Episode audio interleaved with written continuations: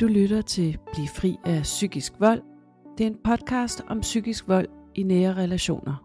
Mit navn er Anne-Katrine Blevad. Jeg er psykolog og specialiserer mig i psykisk vold og gaslighting. Jeg har lavet den her podcast til dig, der gerne vil vide, hvad psykisk vold er, hvad det gør ved dig, og hvordan du kan blive fri af psykisk vold. Hvis du vil vide mere om psykisk vold, har jeg lavet et online forløb til dig, hvor jeg har samlet al den viden, som jeg bruger i mine terapisessioner. Online forløbet er smækfyldt med viden, øvelser og eksempler fra min praksis. Online forløbet er bygget op med video, PowerPoint og PDF. Nemt og lige til at gå til. Gå ind på blivfriafpsykiskvold.com og læs mere om online forløbet. Husk, at det er en stor hjælp, hvis du er glad for podcasten og vil give os en anmeldelse, og det betyder, at podcasten kommer ud til flere. Tak fordi du lytter med, tag godt imod os og rigtig god fornøjelse. Velkommen til podcasten Bliv fri af psykisk vold. I dag har jeg Esther med i studiet. Velkommen til Esther. Tak. Tak fordi du vil være med. Det er, jeg har glædet mig. Det er godt. Mm. Og Esther er ikke dit rigtige navn. Esther er et navn, vi har givet dig for at beskytte din identitet. Jeg kender dit rigtige navn. Ja. Så Esther, kunne du have mod på at bare lige kort introducere dig selv? Ja. Øh, jeg øh, hedder Esther og er en kvinde i 50'erne. Øh, jeg arbejder i et omsorgsfag og er offentlig ansat. Mm. Um, og jeg har to voksne børn. Mm. Og øh, fire børnebørn. Dejligt. Ja. Så der er noget at se til. Det er der. Mm. Esther, må jeg spørge dig, hvorfor, hvorfor har du lyst til at være, være med i podcasten i dag? Ja, det har jeg, fordi at øh, det som jeg har, øh, det forhold jeg har været i med min eksmand, øh, det har været øh, spundet ind i psykisk vold først og fremmest, øh, seksuel vold og voldtægt. Og øh, det er jo ikke gået min næse forbi, at det er der rigtig mange kvinder, som har været udsat for. Og øh, det bliver en form for led i min proces til at komme videre. At kunne formidle til andre kvinder, hvad jeg har gjort.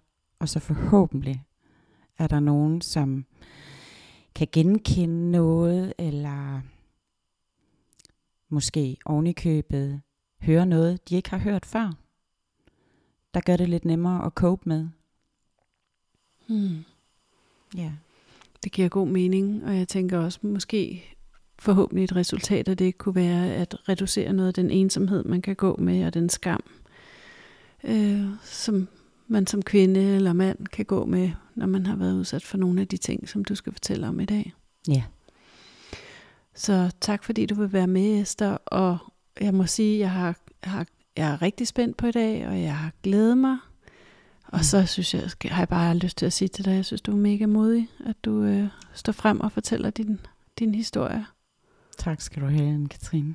Mm. Det, øh, det krævede lidt i starten, øh, og jeg har mødt øh, meget på min vej med, øh, er du nu sikker på, at det er en god idé at stå frem med din historie? Og øh, jeg er udfordret af et øh, retfærdighedsgen, kan man vel kalde det, eller en stor retfærdighedssans. Øhm, og hvis jeg på nogen måde kan være med til øh, at oplyse andre kvinder om, hvordan de passer på sig selv, så, øh, så tror jeg, at mit retfærdighedsgen lægger sig lidt. Mm. Ja. For det er noget af det, vi skal tale om i dag. Det er, det er, er den, den psykiske vold og den seksuelle vold, du har været udsat for. Men, ja. men vi kommer faktisk også lidt ind på, hvordan det har været efter i efterspillet. Altså, hvordan det har været at være i kontakt med politi og, og hele det system også. Ja. Så det tænker jeg, at vi, vi kommer til i andet afsnit. Men, men jeg kunne godt tænke mig at starte lidt med kort. Hvordan mødte du din eks, Esther? Ja, øh, jeg var lige flyttet til en ny by. Øh, eller jeg havde boet der i et års tid. Øh, og på derværende havde jeg været øh, single øh, i en 7-8 år. Jeg havde koncentreret mig om job og karriere. Det var et bevidst valg. Jeg havde det faktisk rigtig, rigtig godt, da jeg mødte ham. Øh, fuld af overskud, havde det fede job og sådan nogle ting. Øh, så mødte jeg ham på et øh, sådan lidt kinky øh, dating site. Og øh, de første tre måneder, der, øh, der handlede det, vi havde, om sex. Hmm. Og undskyld, bare sådan, hvad er et kinky, altså dating site, sorry. ja, det er sådan et sted, hvor øh, man godt ved, mm. når man melder sig ind, at det her, det handler om sex. Mm, okay. Øhm, så det er sådan, på en eller anden måde, er der på forhånd en gensidig aftale? Ja, det kan man godt sige. Om, at man er interesseret i noget seksuelt. Præcis. Hvor nogle af de andre sites øh, handler mere om parforhold, kan man ja. sige. Og sex, men, men også parforhold. Ja, mm, okay. helt korrekt. Mm. Øhm, og jeg møder den her meget karismatiske mand, øh, som øh, ser drøn godt ud og er, er øh, super fræk, øh, super sød. Og øh, han kan nogle ting, som jeg i hvert fald ikke har mødt tidligere i mit liv. Og jeg øh, bliver fuldstændig revet med. Um, og vi har øh, fantastisk sex øh, i de første tre måneder. Og er det rent seksuelt forhold, eller er det også et, et mere sådan klassisk forhold, parforhold, kan man sige? Det er rent sex. Det er rent sex. Øh, fordi han bor fortsat med sin øh, eks-kone på derværende. De er skilt, men de, øh, de bor stadig sammen. Og jeg er egentlig slet ikke øh, der, hvor jeg tænker, at det her det skal være et forhold. Øh, jeg nyder det, vi har. Øh, og jeg synes, det er fedt at kunne lukke min dør mm. igen. Mm. Øh, ja, og vi, øh, som alle andre, tænker jeg, eksperimenterer lidt i starten. Hvad er man til? Det, det ved man jo ikke, når man møder øh, hinanden sådan på sådan en site. Altså, og øh, vi leger lidt med, med, med dominans, men, men sådan blid dominans. Øh, et lille klask i ballen, mm. kan man sige. Mm. Øh, øh, og sådan, og det er fedt. Øh, vi trives begge i det tydeligvis. Øh, men så, efter de her tre måneder, så erklærer han mig sin kæmpe store kærlighed. Og det er ret voldsomt. Hvorfor er det voldsomt? Øh, det er fordi, det kommer sådan fra den ene dag til den anden, at øh, han skriver en besked til mig, hvor han skriver, øh, bare så du lige ved det, så er jeg blevet virkelig, virkelig forelsket i dig.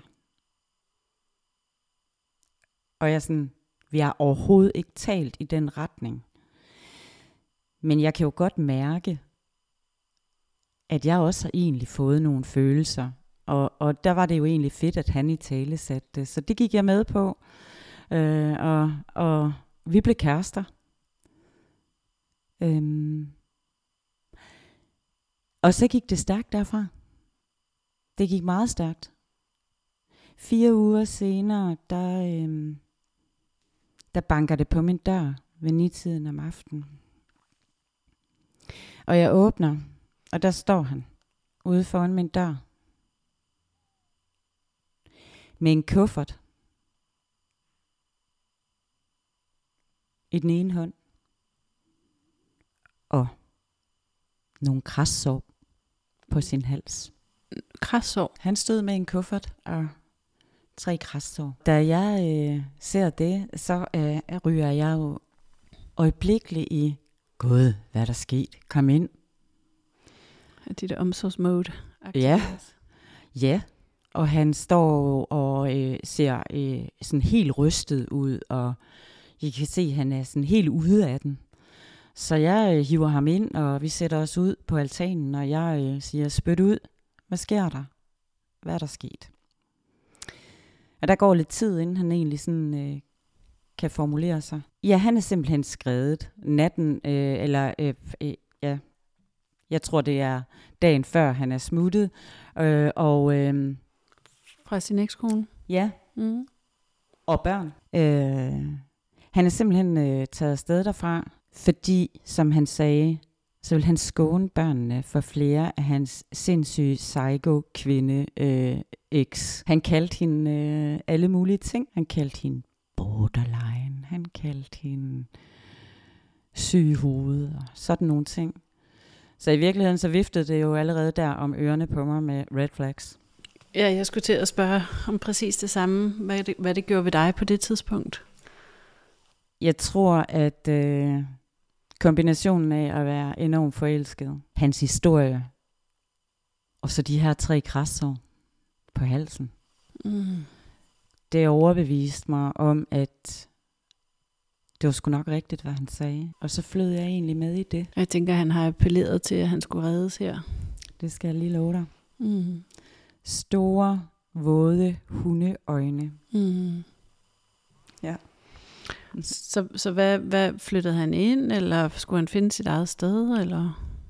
Han skulle finde sit eget sted, men han fandt det aldrig. Mm. Så han flyttede ind. Så man kan sige, at det gik ret stærkt. Det må man sige. Det gik fra at være et seksuelt forhold til, at han faktisk øh, flyttede ind. Ja. Og dig, der Og- godt kunne lide dit eget space. Vi dannede ligesom sådan en eller anden form for øh, øh, symbiose, hvor, hvor øh, den her forelskelse, det var den, der fik lov at fylde. Jeg tror, der gik tre dage, efter han var flyttet ind, hvor han så sagde, der er også lige noget, jeg ikke har fortalt. Og her fortalte han så, at øh, han havde ikke noget job. Han var blevet fyret fra sit job, og havde været fyret i otte måneder. Der var jeg sådan, nå for søren, og jeg var så forelsket, så jeg helt glemt, at han jo rent faktisk allerede så havde lovet helt vildt for mig, fordi de tre måneder, hvor vi blot havde sex, der skulle det jo lige passe ind. Han skulle have fri, og han skulle, der var mange ting, øh, hvor, hvor, hvor det var jobbet, der sådan ligesom styrede, hvornår vi kunne ses. Hmm. Så der skulle jeg jo øh, i retroperspektiv have lyttet. Mm. Men det lyder også som om, at du var så forelsket og på en eller anden måde opsat på at få det til at fungere, at du ikke lyttede til det, der faktisk lå lige foran dig. Og det øh, samlet set, så har hele vores forhold været gennemsyret af løgne. Mm. Så, så Esther, hvis man sådan skal sige, i starten, de første tre måneder, der var det primært seksuelt, pludselig dukker manden op med en kuffert, der flytter ind. Mm-hmm. I starten af jeres forhold, efter han er flyttet ind, der er det symbiotisk, der dukker en lille smule op i ny og næ, men, men ikke mere end, at, at, du, at du overser det i en eller anden grad, Ja. og I fortsætter med at være sammen, ja. øh, nu sammenboende. Hvornår sker der nogle ændringer? Altså, hvornår begynder du at se en anden side af ham? Det bliver jo småt med 48 kvadratmeter. Og øh, så vi begynder at tale om at flytte, øh, finde en, øh, en, et større sted, hvor vi kan være begge to. Øh, og øh, vi finder så en, øh, en lejlighed sammen. Og øh, skal flytte derned.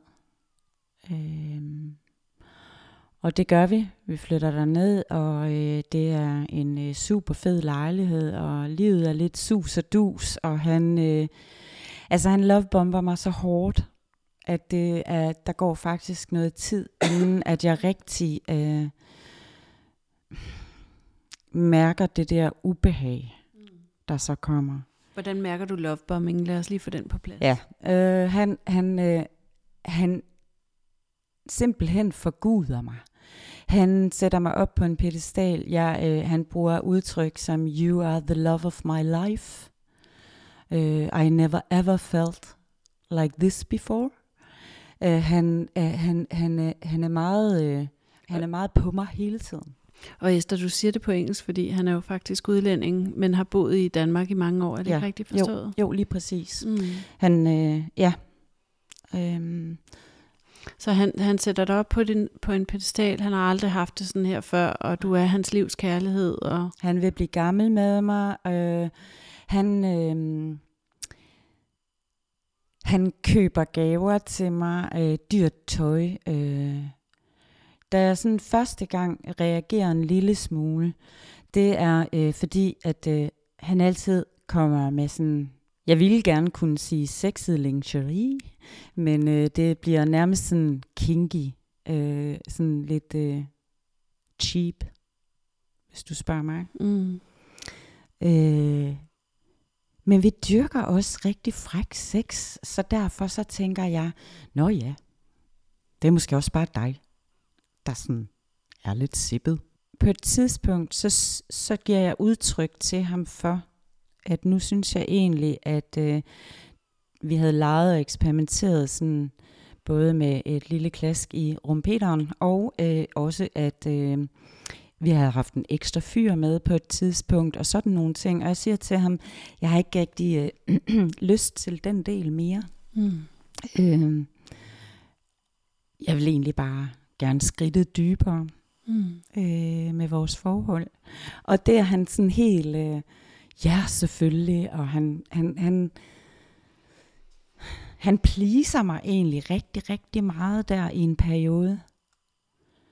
Øhm, så jeg tror egentlig, at så er det sådan. Øhm, vi lander så nede i den der nye lejlighed. Der er det som om, at øh, den her øh, hårdhed i sex, den intensiveres. Men- Og det ved jeg egentlig ikke, hvorfor sker. Men jeg tænker, Esther, inden vi går ind i sådan den seksuelle vold, så ved jeg, at der også er en, en eller anden form for psykisk vold Mm. i hverdagen. Mm. Vil du have lyst til at beskrive noget af det, at, eller kommer hårdheden i det seksuelle før den... For jeg ved, at du har været udsat for en masse gaslighting. Og, Ja, jeg synes rent faktisk, at øh, vi, vi skal længere frem før den psykiske vold, eller før det går op for mig. Det er den psykiske vold, der sådan smutter lidt øh, ind i dagligdagen, og lidt ind i soveværelset, og lidt tilbage igen, og det er meget forvirrende. mm. Øh, fordi det ene øjeblik er jeg jo hans love of life. Men hvis jeg for eksempel spørger, har du fået lavet nogle jobansøgninger? Har du søgt nogle spændende stillinger? Eller sådan, så er han sådan meget privat. Så er han sådan meget, ja ja, det har jeg. Mm. Nå, men hvor har du søgt henne? Og hvis jeg sådan spurgte ind, altså faktisk, når jeg sådan spurgte lidt dybere ind til nogle helt almindelige ting, Mm. øh, så blev han meget lukket. Det undrede mig meget, og jeg tænkte, nå ja, men det kan også være, at jeg bare øh, skal lade ham være, og det er sikkert også svært, det der med at gå rundt uden at have et arbejde, og så se på mig, der øh, drøner afsted på arbejde, og kommer hjem og fortæller, og han har ikke rigtig noget at fortælle, og jeg kan mærke, at han sådan drifter lidt, hvis jeg fortæller. Så er det som om, han ikke rigtig hører, hvad jeg siger. Så du får på en eller anden måde normaliseret hans og retfærdiggjort hans adfærd, således at dine grænser på en eller anden måde også rykker sig lidt, og du accepterer, at han ikke fortæller om, hvad det er, der foregår. Ja, altså i hvert fald øh, sådan på overfladen ser det ud som om, at jeg accepterer det. Jeg går jo og tænker på det af og Mm. til og tænker, det var dog, altså, det var da sært. Hvorfor, hvorfor åbner han ikke op? Øhm, og begynder egentlig at blame mig selv lidt og tænke sådan øh, på, hvis nu, øh, det kunne også være, at det var at gå for tæt på. Det kunne være, at jeg skulle spørge på en anden måde, eller Mm. ja, Mm. Og hvem, hvem, hvordan forsørgede han sig selv? jeg forsørgede ham. Du forsørgede ham. Og så fik han øh, altså overførselsindkomst øh, bistandshjælp, for han var ikke i en fagforening. Jeg Så- fik ham så meldt ind i en fagforening. Så fik han da lidt mere. Hold da op, hvor har du taget meget ansvar. Ja, og så øhm, kom den psykiske vold egentlig også ind, inden vi flyttede ned i den nye lejlighed, da jeg boede i mit lille hybel. Øhm, så tog jeg ofte, enten så cyklede jeg på job, øh, eller også så tog jeg en bus. Så blev det sådan noget med, at han fulgte mig til bussen, og han hentede mig også igen, enten ved bussen, eller på mit arbejde. I dag, der kan jeg godt se, ja, han pakkede det ind i omsorg, og jeg var sulten. Jeg havde været single længe, så jeg synes, Mm. det var fedt. Klart. Øhm, Men i virkeligheden var det kontrol. Ja. Mm. det var det. Alligevel flyttede vi i den nye lejlighed. For jeg var så skide forelsket stadigvæk. så fik han job. Der gik et års tid faktisk, inden han fik job. Og det var sådan, at han havde halvanden times køretur hver vej til job. Og jeg havde ikke bil, og han havde ikke bil. Så han skulle tage tog, og det var ikke så nemt på den rute. Så han gik ud og købte en øh, gammel øse til helt billige penge. Kom hjem med den der øh, gamle øse, og vi havde en super fed seance. Vi tog op og skrubbede og skurede den her bil og gjorde den øh, sjov og dejlig. Og øh, den havde sådan et øh, stort bagagerum, som man sådan kunne nærmest, eller bagagerum, sådan et bagrum, som man kunne lægge en madras i og sove. Så jeg øh, indrettede den der bil til vores lille roadtrip-bil, og vi kørte til vandet og overnattede, og sådan nogle ting. Øh, øh, havde det super fedt egentlig der i en periode. Jeg tror et halvt års tid efter, der blev han meget sådan kølig, afstandstagende, afglidende. Når jeg spurgte ham, om han havde haft en dårlig dag på job, eller om der var sket et eller andet på job, og, øh, øh, så øh, han kunne finde på at rulle øjne af mig, sådan himle øjne af mig, øh, og sige, øh, nej, jeg er bare træt. Han blev bare afglidende, arrogant, og nogle gange følte jeg næsten, at han sådan gav mig et elevatorblik, som om at jeg sådan var, du skulle da noget sært noget at spørge om. Hvorfor spørger du om det?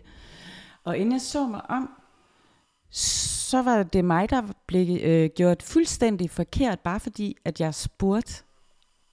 Til hans han, dag. Ja, og han holdt helt op med at spørge til mine dage. Så der skete bare et skift der pludselig. Ja, det gjorde der. Og i takt med det, der intensiverede hårdheden sig på det seksuelle. Men vi bor der, og det er øh, sådan en citylejlighed. Og jeg siger allerede, inden vi flytter ned, han er sådan, åh, han elsker store byer og sådan noget, og jeg kan godt lide vandet og landet.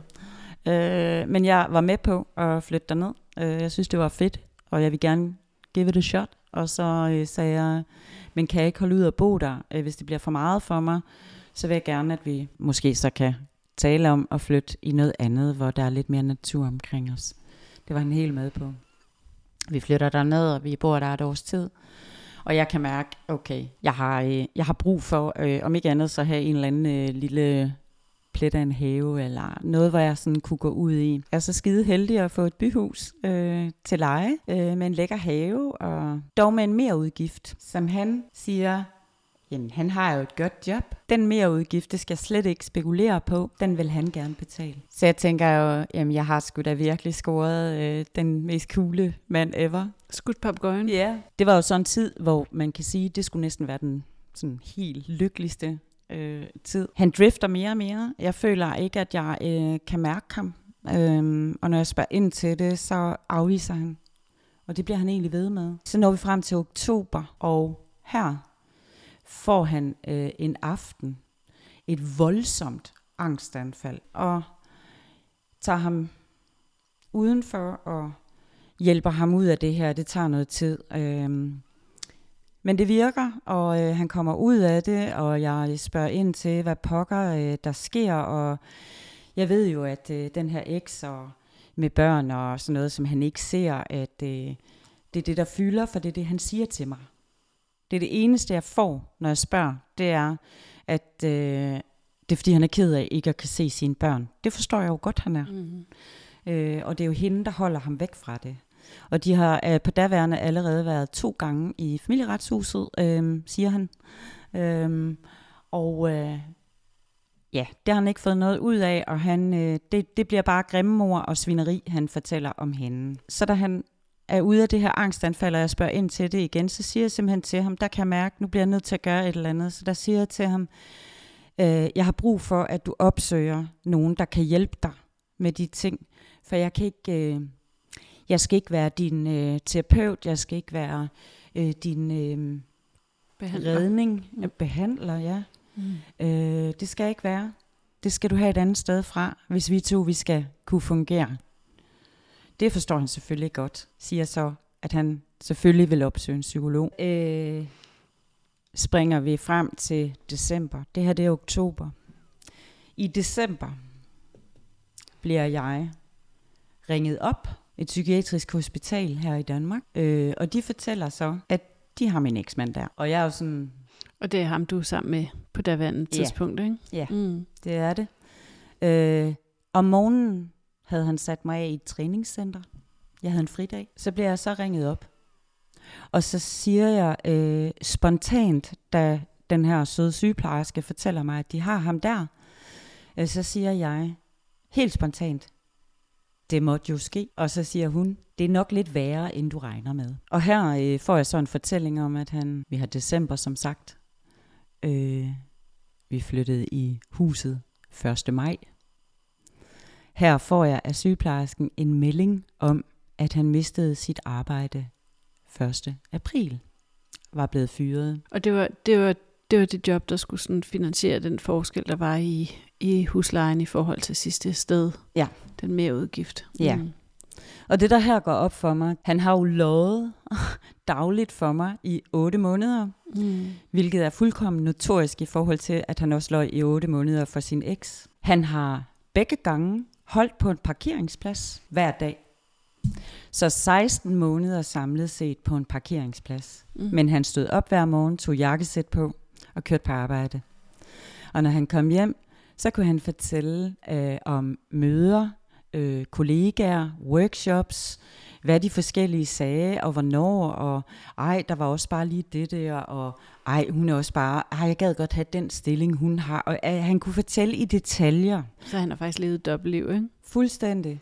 Han øh, har... Øh, han hævede i den periode samtlige pensioner, lånte penge af sine forældre og en ven øh, for at opretholde, øh, sådan at han ikke faldt igennem der. I den periode, hvor vi både der, der friede også til ham, ja, det var så bare endnu en af de, de løgne, der ligesom fulgte i kølvandet af det. Men øh, Efter... Undskyld, hvordan blev det en løgn, at du friede til ham? Jeg skal bare lige forstå. Jamen, jeg ser det jo lidt sådan, at øh, altså, han sagde ja, øh, øh, og det, det, det, for mig, der var det sådan i bagspejlet set, okay, øh, øh, altså, du har mistet dit job, du har mistet en mere indtægt, som skulle finansiere det her sted. Du siger ja til at blive gift med mig, du fortæller alle de her ting, og det Mm. går jo op for mig på, på de 10 minutter, jeg taler med den sygeplejerske den dag, øh, at der vælter det sådan ind over mig mm. med alle de her ting, Mm. og jeg tænker, hold da kæft, han har levet et totalt dobbeltliv. Mm. Altså, øh, og jeg er rimelig rystet af det. Øh, lang historie kort, jeg bliver hentet øh, af et, øh, en veninde og tager derhen i tre dage. Han øh, er indlagt. Ja, det der bliver fortalt er så, at han har haft et selvmordsforsøg i det. Jeg øh, øh, har øh, rigeligt at se til i den periode, fordi, øh, og det er sådan lidt øh, blurry for mig, øh, fordi at øh, jeg taler med øh, sygeplejersker, læger, psykologer, hans familie, min familie, et par veninder og en enkelt af hans venner. Jeg afhænder det her byhus for fattige udlejere for opsagt det her hus. Øh, for fundet en anden lejlighed. Alt imens han er indlagt. Og han topper den så med, at han på et tidspunkt under indlæggelse får udtalt, øh, øh, at øh, hans største frygt er, at jeg går fra ham. Hvad tror du, det gør ved dig? Jeg er slet ikke i tvivl om, hvad det gør ved mig. Jeg øh, tænker, hold nu kæft. Hvad er det, jeg ikke har set? Hvorfor har jeg ikke kunne hjælpe ham? Så det forstærker din ansvarsfølelse Ja. og skyld. Ja. Jeg kan også se, at du bliver berørt, når ja. du Ja. tænker på det. Ja. Ved, du, ved du, hvad det er, der berører dig lige der, Esther? Ja, det tror jeg godt, jeg ved.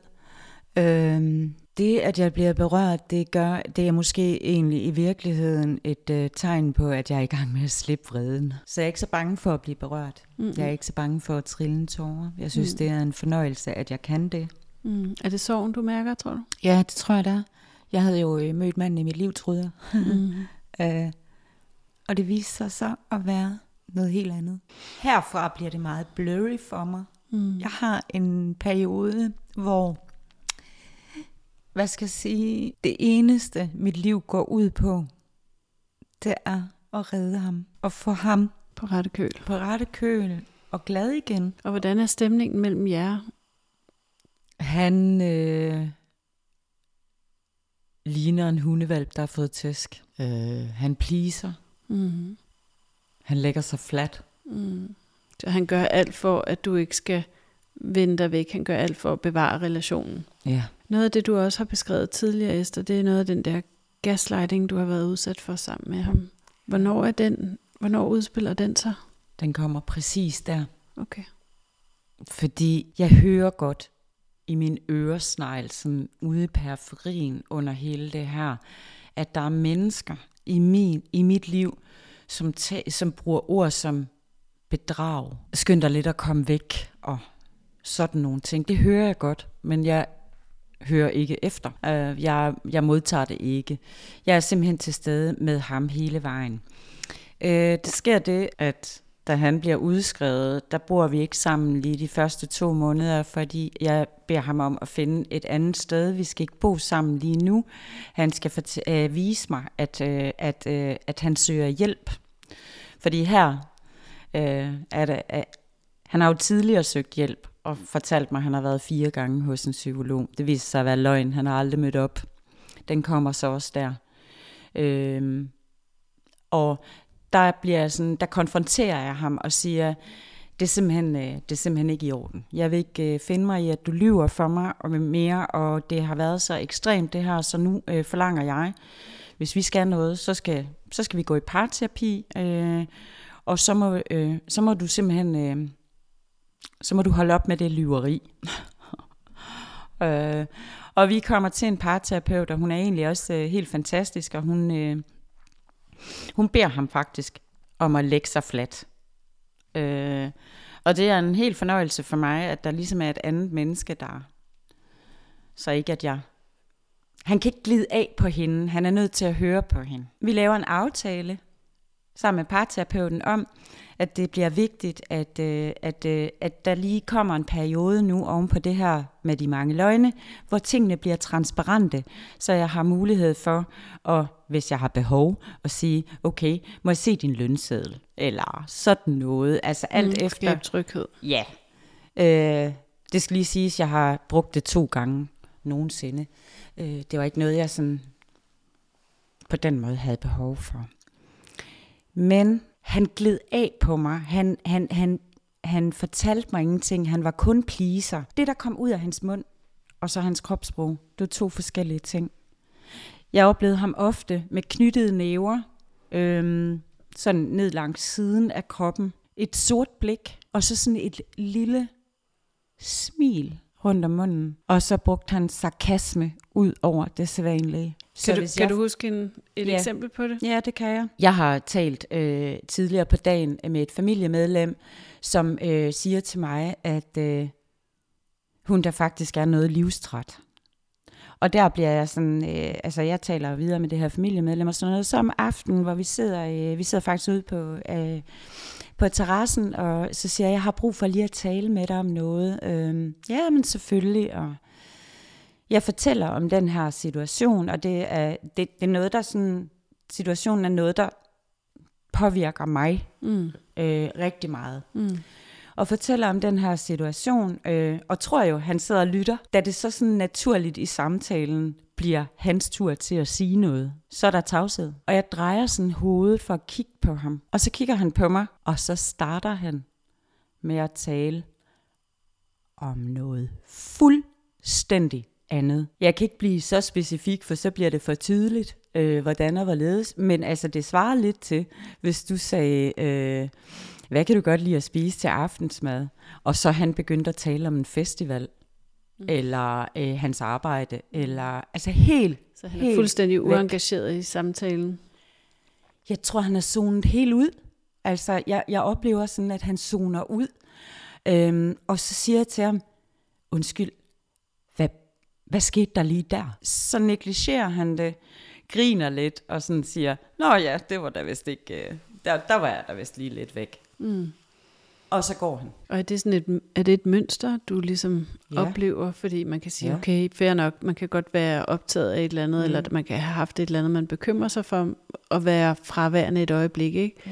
Selvfølgelig det, han går bagefter, ikke lige får samlet op og siger, hey, det er, det er, undskyld, det er jeg virkelig ked af, undskyld, Ja, fortæl, prøv lige igen, og giv ja. Mig lige en chance mere, ikke? Ja. Jeg skal nok. Men det, det gør han ligesom ikke. Han rejser Nej. sig op og går, og du ja. siger, der er et mønster i den her, sådan det der fraværende. Ja, det er der. Øh, ja, der sker det øh, i mit liv, at jeg får en opringning en aften øh, omkring, at øh, jeg har en gammel skoleveninde, som er død. Og det ryster mig noget. Øh, vi er egentlig på vej, øh, min eks og jeg er egentlig på vej i seng, der da det kald kommer, og jeg øh, taler med vedkommende ude på øh, terrassen. Og da jeg kommer ind, øh, der er han så gået i seng, men det er måske sådan fem minutter efter. Øh, han sover ikke, øh, og jeg sætter mig på øh, sengkanten og øh, øh, fortæller om det her, fordi at det jo selvfølgelig har rystet mig rigtig meget. Der er en meget, meget tæt veninde. Han sætter sig op og lytter. Så kigger han på mig, og så siger han, okay, men jeg skal på job i morgen, så jeg skal sove. Og så lægger han sig ned, vender sig om og sover. Øh, vi er stille om morgenen. Jeg ved ikke, hvad jeg skal sige, fordi jeg er simpelthen så rystet. Jeg har nærmest ikke sovet. Øh, han smutter på job og skriver i løbet af dagen, at han synes, at jeg var underlig om morgenen. Og så skriver jeg øh, til ham, jamen, du lader dig til at sove. Jeg, var, jeg er rystet. Øh, jeg, jeg har det helt vildt dårligt, og øh, så vil han ringe mig op øjeblikkeligt. Så siger det skal du ikke, jeg er på vej på job, så jeg kan ikke, øh, altså, jeg kan ikke tale med dig nu. Ej, men så skulle vi i hvert fald have snakket om det om aftenen. I løbet af den næste halvanden time, tror jeg, at måske to timer, så får jeg en besked fra ham, at nu der pludselig lige kommet en workshop, han skal på med jobbet. Øh, så han kan kun lige nå at komme hjem og pakke om, og så skal han på workshop, det med overnatning og ting og sager. Så han ville først komme hjem søndag igen. Men han kom lige hjem for at hente de der ting. Så han får så sådan en smøde udenom den der snak. Øh, og da han kommer hjem søndag, så tænker jeg, at han skal også lige have lov at lande, så jeg venter. Jeg har, ved, jeg har en fridag om mandagen, og så tænker jeg, så kan vi tale om det der. Da jeg så tager det op mandag aften, så bliver han simpelthen stiktosset på mig. Han er helt sort i øjnene. Og igen den her meget, øh, som han bruger altid, passive-aggressive. Og jeg kan bare mærke, at der bliver jeg faktisk for første gang rigtig, rigtig bange for ham. Mm. Hvordan viser den passiv-aggressive side så? Han øh, bliver helt sort i blikket igen, og har knyttet næver. De, det er sådan, hans knor er helt hvide. Og så har han det der lille øh, smil, uhyggelige mm. smil. Så næsten truende. Og han træder sådan lidt øh, hen imod mig også der. Og det er første gang, at jeg sådan oplever, at han i, øh, i hverdagen, altså uden for soveværelset, øh, træder hen imod mig. Mm. Og så skælder han mig simpelthen huden fuld og siger, øh, det var fandme også, og, øh, hvorfor jeg skulle hænge mig i det, og det var fuldstændig latterligt, og øh, han havde jo sagt undskyld, øh, og nu måtte jeg bare slippe det der. Og alt imens jeg får skæld ud, så øh, græder jeg, fordi jeg bliver sådan helt, øh, altså jeg tror, jeg bliver sådan overrumplet, og enormt ked af det. Det var min veninde, der var død, og jeg havde håbet på, at vi kunne få en god snak om, øh, hvad søren det var, der lige øh, gjorde, at han reagerede sådan på det. Og, øh, men han bliver så vred. Ja, han bliver bare så voldsomt vred. Herfra, der, øh, der rykker den psykiske vold simpelthen ind i soveværelset også. Mm. Så det vil noget. Det har den egentlig været et stykke tid allerede der. Men her går det op for mig, at det er det, der sker. Han kan ikke længere styre mig i min hverdag. Jeg konfronterer ham for ofte, øh, og han øh, er nødt til at plise rigtig meget. Så han er så nødt til at kunne styre og kontrollere mig på anden vis. Og, og det, det er så det, der Det gør kommer. han i soveværelset. Det skal jeg love dig. Mm. Kan det, kan vi, vil det være okay for dig at sætte lidt ord på den seksuelle vold? Det vil det. Mm. Øh, hvordan, hvordan Hvordan udspiller den sig? Helt fra starten i forholdet, som jeg tidligere har sagt, så eksperimenterede vi jo lidt mm. øh, og så videre. Øh. Og det er vel vigtigt at sige, hvis man ikke ved det, at det at eksperimentere, det at eksperimentere med dominans og med øh, en eller anden form for øh, klap i numsen, mm. eller hvad det kan være, det er jo en gensidig aftale, og når man indgår i det, så er der jo også altid en aftale om, at det skal stoppe, hvis man ikke synes, det er rart, eller man har et eller andet ord, man kan sige til hinanden, så man ligesom får stoppet lejen. Ja. Er det ikke rigtigt forstået? Jo, det er rigtigt forstået, men altså det med at have et, et stopord, så er vi ude i noget BDSM, tror jeg nok det hedder. Det er sådan meget øh, dom, dominant mm. sex. Sådan var det slet ikke. Mm. Men vi havde da en klar aftale om, at det skulle være rart Mm. for os begge to. Mm. Øh, og at hvis man sagde stop, så sagde man stop. Mm, selvfølgelig. Så hvordan udviklede det sig? Det blev rigtig grimt. Mm. Han, øh, altså i overskrifter vil jeg sige, at øh, det, det, det, ble- det blev sådan noget med, at han ikke stoppede. Altså han, mm, det blev bare sådan langsomt, men sikkert hårdere og hårdere. Han slog mig i numsen på ballen, øh, og fra at have givet mig et lille klask, så slog han mig nu hårdt Mm. og gentagende gange. Og hvis jeg prøvede at kravle væk, så trak han mig tilbage og fortsatte med at slå. Han begyndte at slå mig i ansigtet. Han begyndte at optage overgrebene på video. Og vidste du, at det skete? Ja og nej. Første gang, der vidste jeg godt, det skete. Fordi der legede vi. Der var det ikke blevet øh, den her grimme ting. Mm. Øh, og så sagde han, ej, skal jeg ikke lige optage det? Du er så fræk, eller sådan et eller andet agtigt i den der stil. Så jeg blev sådan pakket ind i, gud jo, det kunne da måske være meget sjovt. Mm. Øh, så, så der vidste jeg det godt. Mm. Men så blev det mere reglen end undtagelsen. Mm. Men han filmede kun, når han lavede overgreb. Og vi havde jo også anden form for sex indimellem, som var hyggeligt og godt. Mm. Det har jo ikke været shit det hele. Det er det sjældent. Ja, det er det. Han smed jo sådan nogle små breadcrumbs en gang imellem, og var tyndsligt nok. Øh, og så, øhm, så plisede han indtil, at han ligesom havde mig, hvor han ville have mig igen. Mm. Øhm, Men, og så skruede han op igen. ja, det skal jeg lige love for. Øh, Så, den, i så, den, den, grad. så den seksuelle vold, det var, at den, den tog til i, i voldsomhed med, Ja. med, med mere sådan hårdhed slag. i flere slag, også flere Slag slag, an, andre steder end, end på ballen. Ja. Og så øh, praktiserede han øh, oral øh, kvælningssex. Hvad skal det På mig. sige?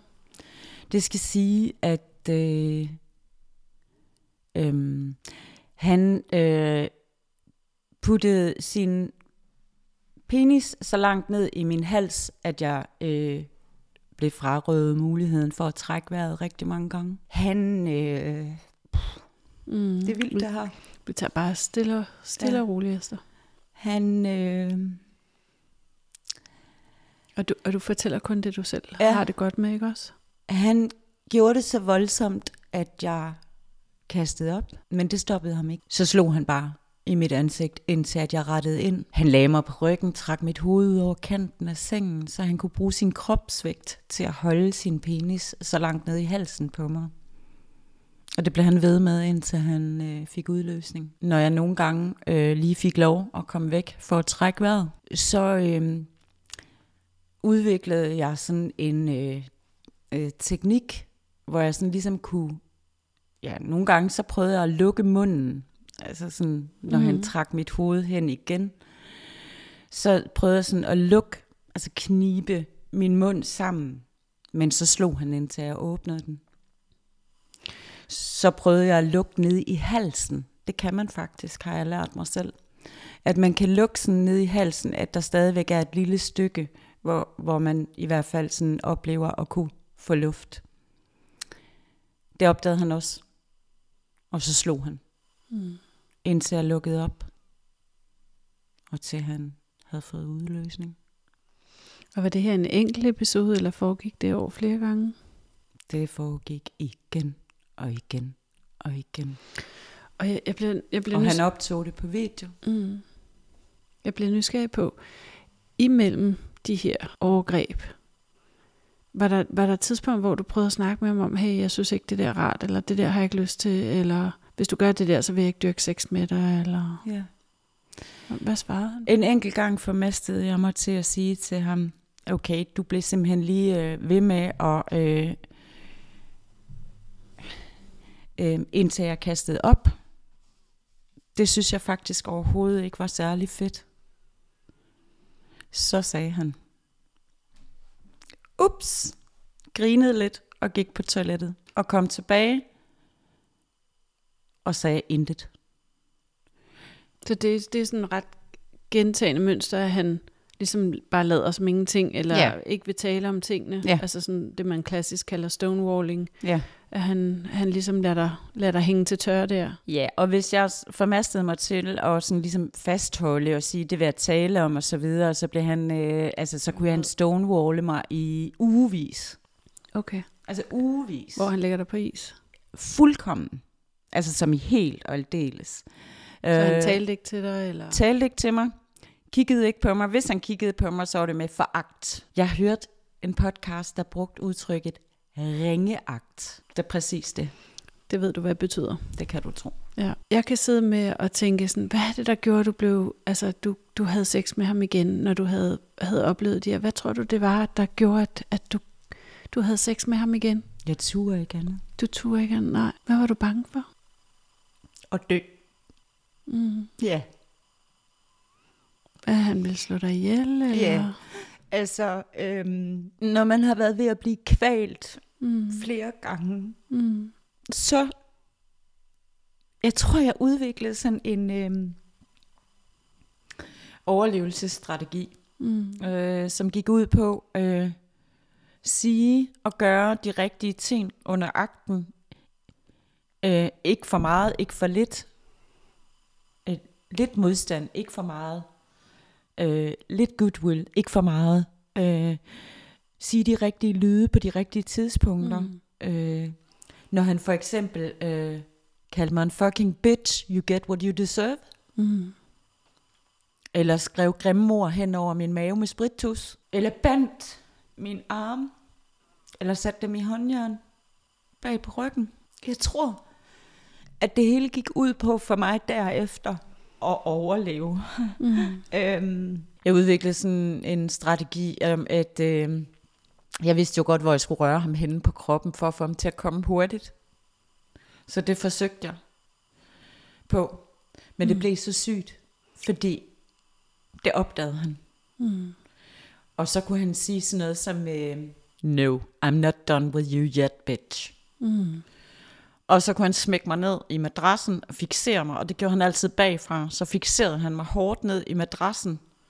Og så det eneste, det gik ud på, det var, hvor dybt og hvor hårdt kan jeg penetrere hende og bruge mm. hende.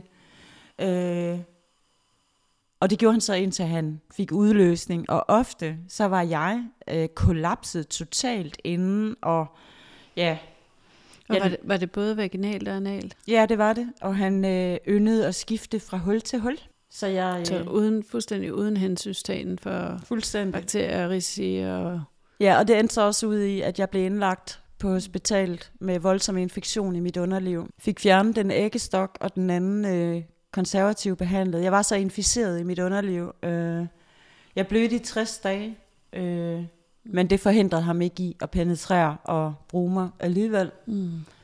Og da jeg kom hjem fra hospitalet, det, det er næsten øh, det vildeste, tror jeg, når jeg tænker tilbage. Øh, jeg havde fem huller i maven. Øh, havde siddet lidt fast imellem, om, øh, om det var mavetarmkirurgisk eller gynækologisk, så var blevet rigtig syg. Og øh, kommer hjem. Øh, Og de huller, var det operation? ja, det var så, jeg var klipset sammen foran. Mm. Jeg røg akut på operationsbordet. Det blev rigtig slemt. Mm, to dage efter jeg kom hjem, der forlangte han sex. Jeg er blødt som svin, mildest talt. Men det var der ikke noget at gøre ved. Han var ligeglad. Mm. Jeg gjorde mig lidt død der, tror jeg. Mm. Jeg tror, jeg døde lidt indeni og udenpå.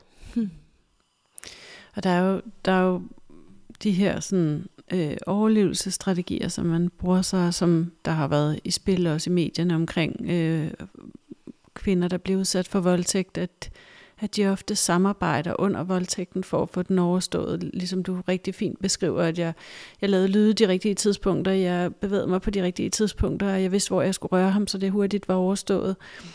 Og, og ofte handler den her, det her med at samarbejde, det handler jo simpelthen om at få det overstået. Og fordi at man frygter, at hvis man kæmper imod, eller ikke gør, som der bliver sagt, jamen, så risikerer man at miste livet. Ja. Fordi man jo ofte, eller kvinder ofte godt ved, at, at de jo fysisk er, ikke kan klare sig. Ja. han brugte altid sin kropsvægt, så jeg var jo bange for, øh, altså Mm. jamen jeg var sgu, altså hånden på hjertet, jeg var skide bange for at dø flere gange, altså. Tror jeg også, at der skete det, at jeg ligesom, jeg sagde og gjorde de rigtige ting, ja, men men jeg havde også stadigvæk sådan en, en, en, en fighter i mig, altså, øh, og han optog så meget af det her, vi taler om nu, på video. Og det fedeste, han øh, vidste, det var at tvinge mig til at sidde og se det sammen med ham efterfølgende. Øh, han screenshottede sindssygt mange af de mest vulgære situationer, eller øh, sådan, fordi jeg ved ikke, jeg ved ikke, om han sidder og ser det, eller øh, det har jeg ingen øh, anelse om. Øh, men, men det blev jo sådan til sidst, at jeg sådan bare, øh, jeg, jeg, jeg makkede bare ret. Jeg turde ikke andet. Jeg sidder med et, et spørgsmål, som jeg tror mange tænker. Mm. Hvorfor gik du ikke bare? ja. Åh, det famøse spørgsmål. Ja. Jeg tror, at øhm, for det første, så troede jeg jo, at jeg havde mødt manden i mit liv. Øh, og på det tidspunkt tror jeg, at jeg var blevet så manipuleret. Altså, hans subtile form, hvor han kravlede ind på mig, og jeg blev bare en skygge af mig selv. Jeg kunne ikke tage beslutninger. Øh, jeg øh, var sygemeldt af flere gange, øh, langtidssygemeldt øh, i perioder, to, gang, to perioder. Øhm, jeg kunne slet ikke holde sammen på mig selv. Så bare, altså det, det ja, til sidst der blev jeg næsten sådan, altså han havde simpelthen fordrejet min virkelighed, min følelsesopfattelse, hvordan jeg følte, hvordan jeg tænkte, øh, øh, til at være så forkert, at jeg troede ikke, jeg kunne eksistere uden ham. Mm. Så går man ikke bare. Det gør man ikke. Nej, det gør man ikke. Nej. Så du var virkelig sådan en afhængighedsrelation, Fuld. ikke? Altså traumebindingen der, der virkelig er aktiveret, og, det du beskriver også rigtig fint, Esther, det er jo de her skift mellem, du ved, at han, han går ind, han ved lige præcis, når du er slidt nok, Ja. og suger dig tilbage ind i relationen igen. Ja. Og så skruer han op, når du er, når du er, er, er i- tilbage. Ja, ja. Altså det, det, det, var, det var sådan nærmest som, som om, at det var sådan en cirkulær følelse. Mm. Det blev sådan cirkulært, at han, han gaslightede, han forvringede, han fordrejede øh, mine tanker, mine handlinger, alt Mm. øh, til at de her seksuelle overgreb, øh, når jeg var når jeg var tyndsligt nok i, i dagligdagen, og sådan øh, konfronterede ham lidt for mange gange og sagde, øh, du, du, vi har brug for hjælp, du har brug for hjælp, jeg har brug for hjælp, vi har brug for hjælp, øh, hvis vi skal noget med det her, og sådan. Så røg det fra gaslightning over i stonewalling, for det gad han ikke snakke om. Mm. Og stonewalling er en del af gaslighting. Ja, ja. Mm. Men så blev det det, der sådan kom til at fylde. Så var det den her med, at han i ugevis kunne lade være at tale til mig. Mm. Øh, kun om de mest praktiske ting. Øh, skal du bruge bilen i dag? Eller sådan noget. Øh, og når jeg så var tyndsligt nok, så købte han en øh, fed jakke til mig, eller en rejse, eller et eller andet andet, eller havde blid, blød sex med mig. Mm. Og vupti, så var håbet tilbage. Ja. Ja. Mm. Så ja, det var svært at gå. Det kan, ved du hvad, det kan jeg virkelig godt forstå. Ja.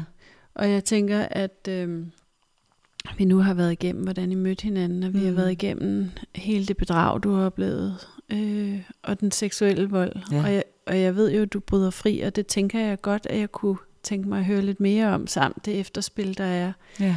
Men det tænker jeg, at vi skal tale om i afsnit 2 af vores samtale. Vil det være okay? Det ville være så fint. Hvordan har det været at- beskrive noget af alt det, du har været igennem?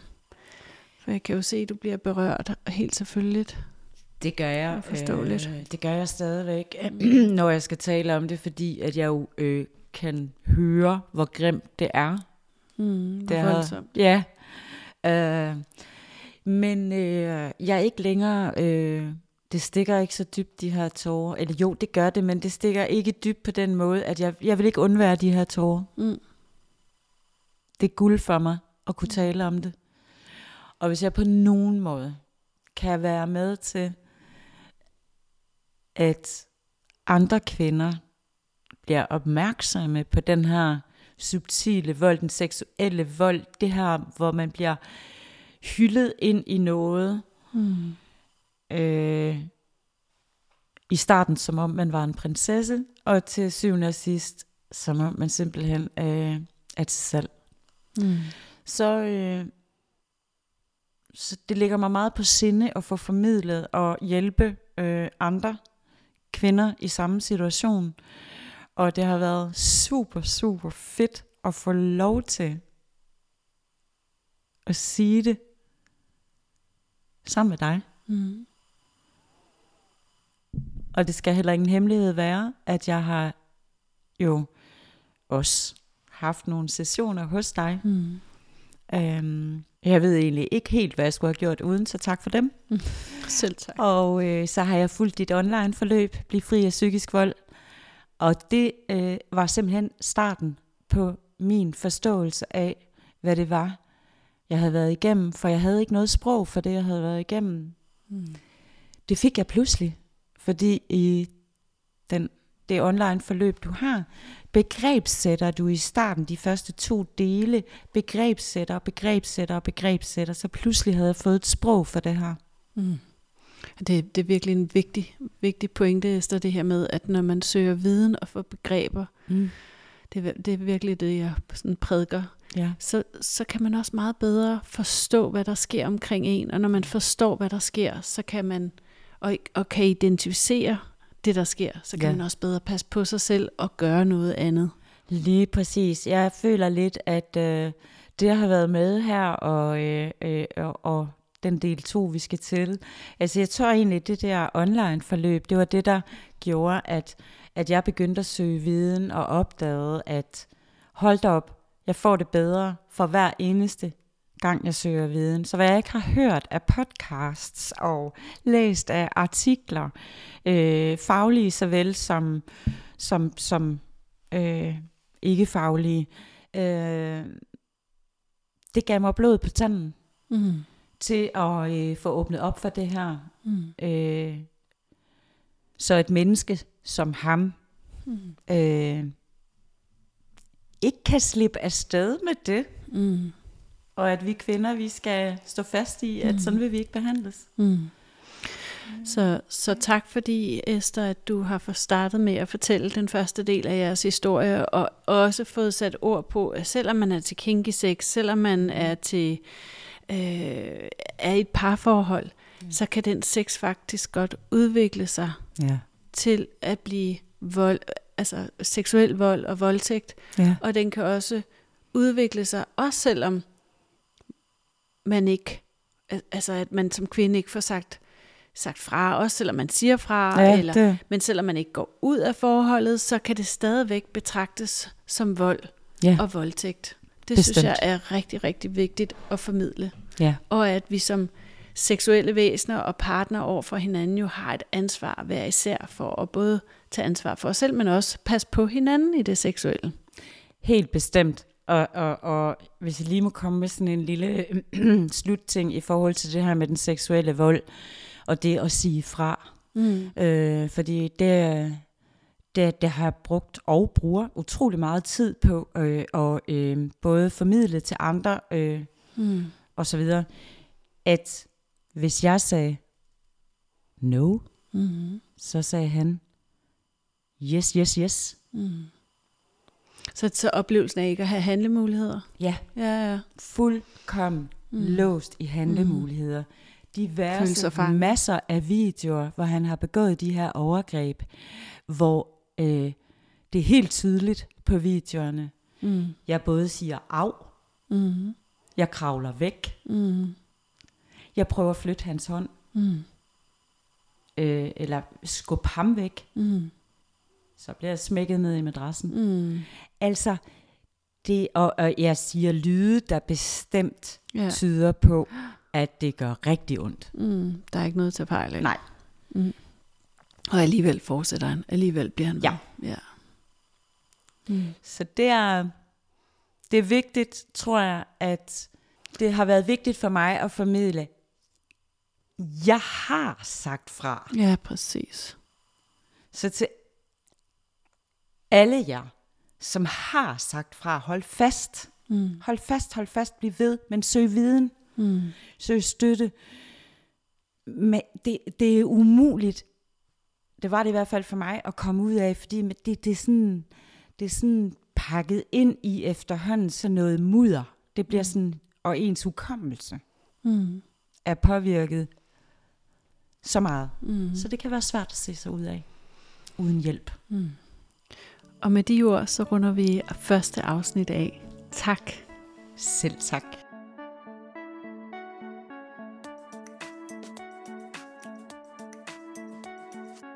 Tak fordi du lyttede med. Husk, at det betyder meget for både mig og mine gæster, hvis du vil skrive en anmeldelse eller give os nogle stjerner.